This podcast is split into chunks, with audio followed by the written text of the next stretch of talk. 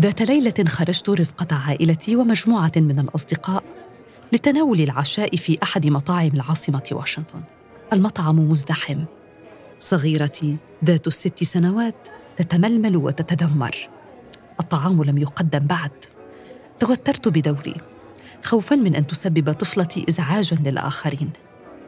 وفي لحظة وجدت الحل. الآيباد دائما يرافقني لإلهائها في هكذا مناسبات. نجحت الخطة. صمتت صغيرتي واندمجت في الحال. لكن نظرة ترمقني من الطاولة المقابلة. نظرة عتب ولوم من سيدة في الستينيات من عمرها. وكأنها تحاسبني على فداحة خطأ ارتكبته بحق طفلتي. فماذا فعلت؟ أنا يسرى أمين. وهذه حلقة جديدة من بودكاست مرايا.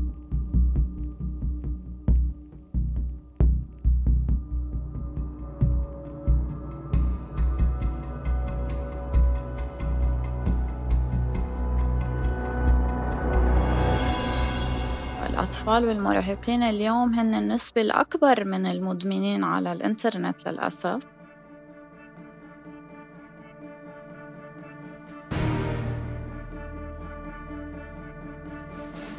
تغير مفهوم الإدمان كثيرا عما كان عليه في الماضي. لم يعد إدمان الأنواع المختلفة من المخدرات أو حتى إدمان الكحوليات أو النيكوتين الشكل الوحيد للإدمان إنما تطور حتى وصل إلى إدمان الإنترنت. منظمة الصحة العالمية اعتبرت إدمان الإنترنت سببا محتملا للاضطراب بينما لفت موقع فيسيولوجي توداي إلى الجدل العلمي حول ما إذا كان الاستخدام المفرط للإنترنت يمكن تصنيفه على أنه إدمان حقيقي. انظر حولك. غالبيتنا يقضي الوقت على الإنترنت. ملتصقين بالشاشات. في البداية نعتقد أننا نستطيع التحكم بالوقت. لكن في لحظة نفقد السيطرة.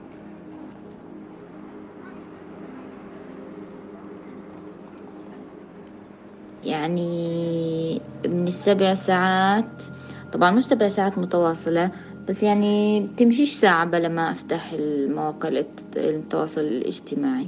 مدمنة إنترنت؟ آه طبعا مدمنة. بعتبر حالي مدمنة إنترنت إلى حد ما إيه؟ وحتى جربت آه، من ثلاثة أيام أمحي تطبيق آه، إنستغرام وتيك توك ورجعت نزلتهم امبارح.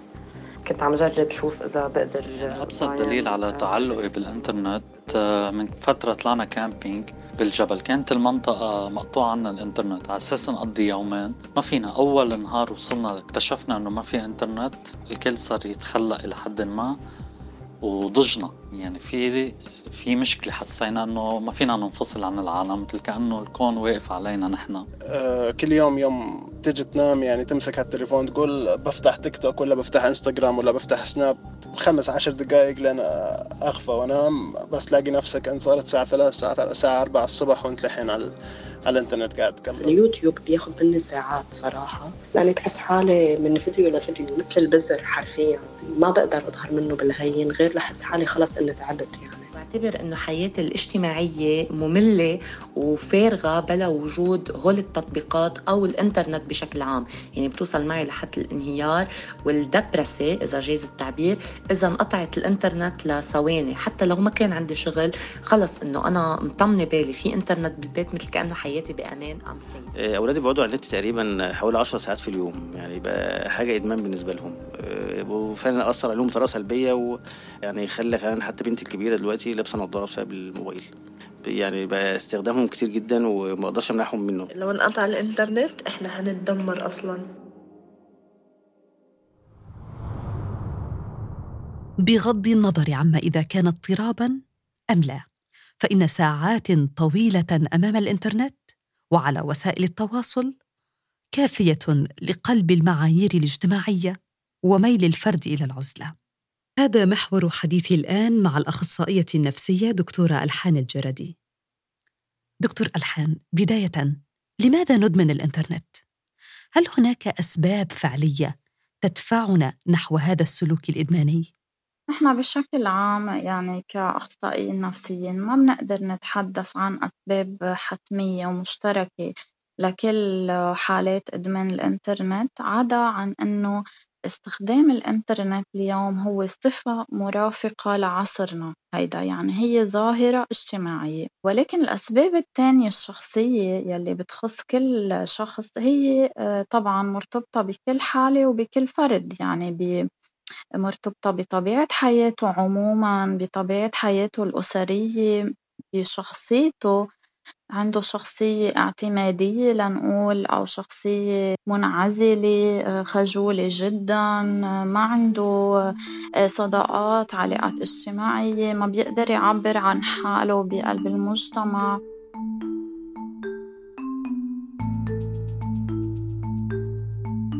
هناك سبب آخر بدا لي منطقيا وواقعيا وهو أن الإنترنت دائما ما يقدم حلولا سريعة يبحث عنها المستخدمون. مثلا تشعر بالوحدة تبحث عن الرفقة. ستجدها على مواقع التواصل الاجتماعي وفي غرف المحادثة. تريد شراء احتياجاتك ولا تملك الوقت. التسوق الإلكتروني يحل المشكلة. تشعر بالملل وتريد قضاء الوقت في الألعاب الإلكترونية. ستجد على الإنترنت الآلاف ممن يمكن أن يشاركوك اللعب في أي وقت أينما كانوا على هذا الكوكب. تريد إنهاء الأعمال المنزلية أو قضاء وقت ممتع مع الأصدقاء؟ الإنترنت هو الحل لإلهاء الأطفال لساعات. هل تذكرون نظرة السيده الستينيه لي في بداية الحلقة؟ هذا ما دفعني للغوص في هذا الموضوع. حلول سهلة أليس كذلك؟ لكن الحلول السهلة ليست دائما صحيحة. وما يبدو مقبولا في البداية يتحول إلى مفرط مع مرور الوقت.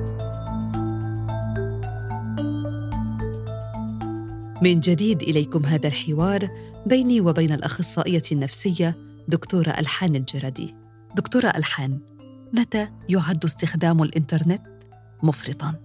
هلا اولا إذا كان الشخص عم يستخدم الإنترنت بإفراط بحكم وظيفته مثلا أو بحكم دراسته الأكاديمية أه ولما ينهي هيدي المهام أه بيعود لممارسة حياته الطبيعية من علاقات أسرية واجتماعية وصداقات وبيحاول إنه يمارس نشاطات آه، تانية متنوعة مثل الرياضة وغيرها.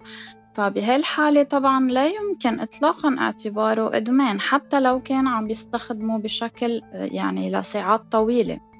ولكن في حال كان الشخص عم بيستخدم الإنترنت بإفراط لأهداف غير مهنية أو غير أكاديمية بالإضافة إلى أنه ما عم بيمارس حياة اجتماعية وأسرية طبيعية إلى حد ما. عم بينعزل مثلا عن الآخرين. ما عم بيخرج للتنزه أو لممارسة أي نشاط جسدي وعم بفضل البقاء يعني قدام الشاشة وما بيقدر يتركها. هون نحن لازم نبحث حالته وبشكل خاص الأعراض السلوكية والنفسية يلي حتكون عم بترافق هيدا الاستخدام المفرط.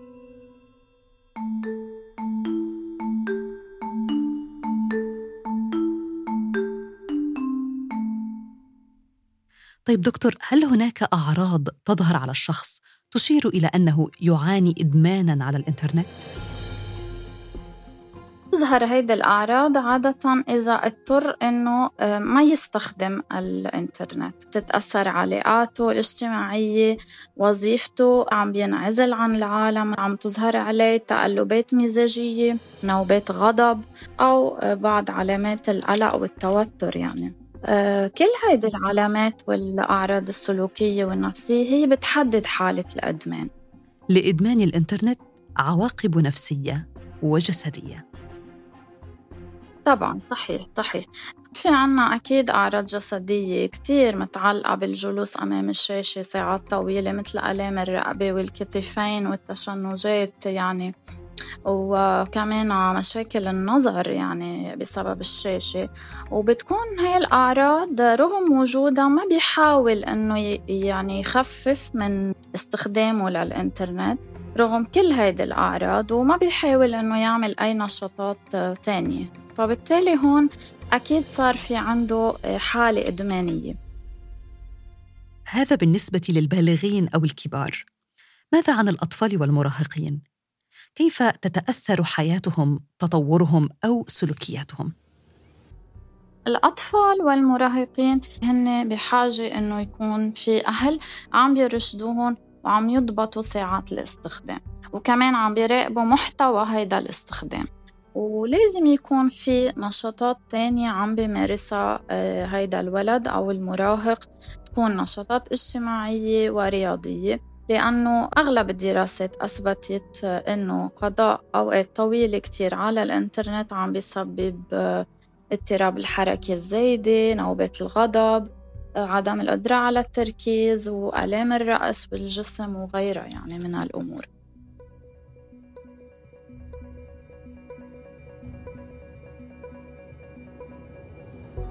المفارقة بحسب دراسة ألمانية وأخرى بريطانية؟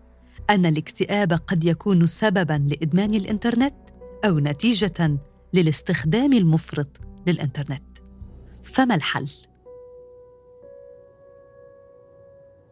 How to control آه، نحن هون عم نحكي عن حالة الأشخاص يلي بعد ما وصلوا لهيدا الإدمان يعني الشديد والكامل. الشخص لما يكون بعده بحالته آه، شبه طبيعية الواعية بيقدر يستدرك بنفسه هيدي الأمور وهيدي السلوكات وبيقدر إنه يحط نظام معين إذا لقى إنه هيدا الشي عم بيسبب له آه، آثار سلبية بحياته بيقدر يبلش يضبط. ولكن آه، إذا وصل لحالة الإدمان الشديد فبالتالي هو ما قدر يضبط. آه، هون آه، لا ما بيقدر لحاله يعني يرجع يطلع منها هو رح يحتاج لمساعدة خارجية. ممكن تكون هيدي المساعدة من أفراد العائلة وممكن تكون مساعدة اختصاصية. التخلص من إدمان الإنترنت أو الاستخدام المرضي للإنترنت يشبه التخلص من عادة قديمة سيئة. فتعلم العادات الجديدة يعني التخلص من العادات القديمة. تخيل معي. تستيقظ في أحد الصباحات. لتجد العالم بدون إنترنت. هل تتوقف حياتك؟ أم تنهض وتبدأ يومك بعادة أخرى؟ غير تصفح الإنترنت.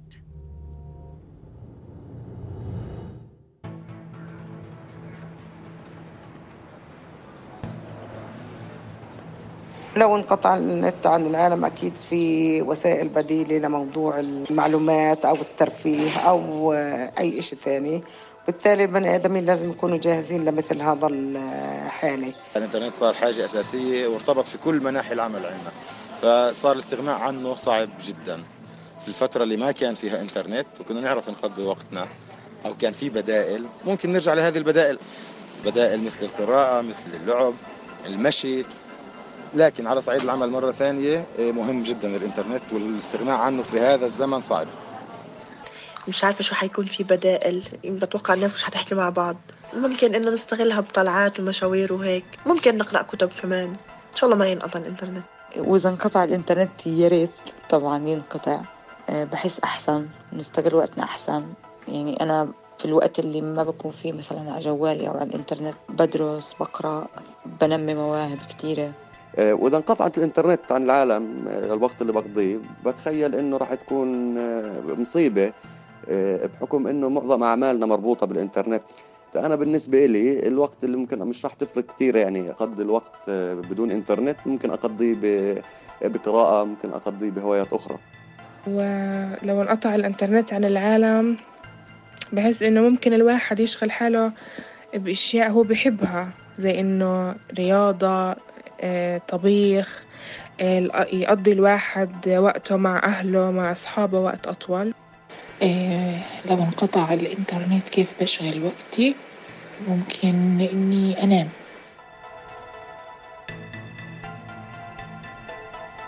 يبدو أن بعضنا قد وجد البدائل. ماذا عنك؟ هل ستعيد حساباتك وترتيب أولوياتك؟ أنا شخصيا سأبدأ اليوم. أنا يسرى أمين وهذا بودكاست مرايا.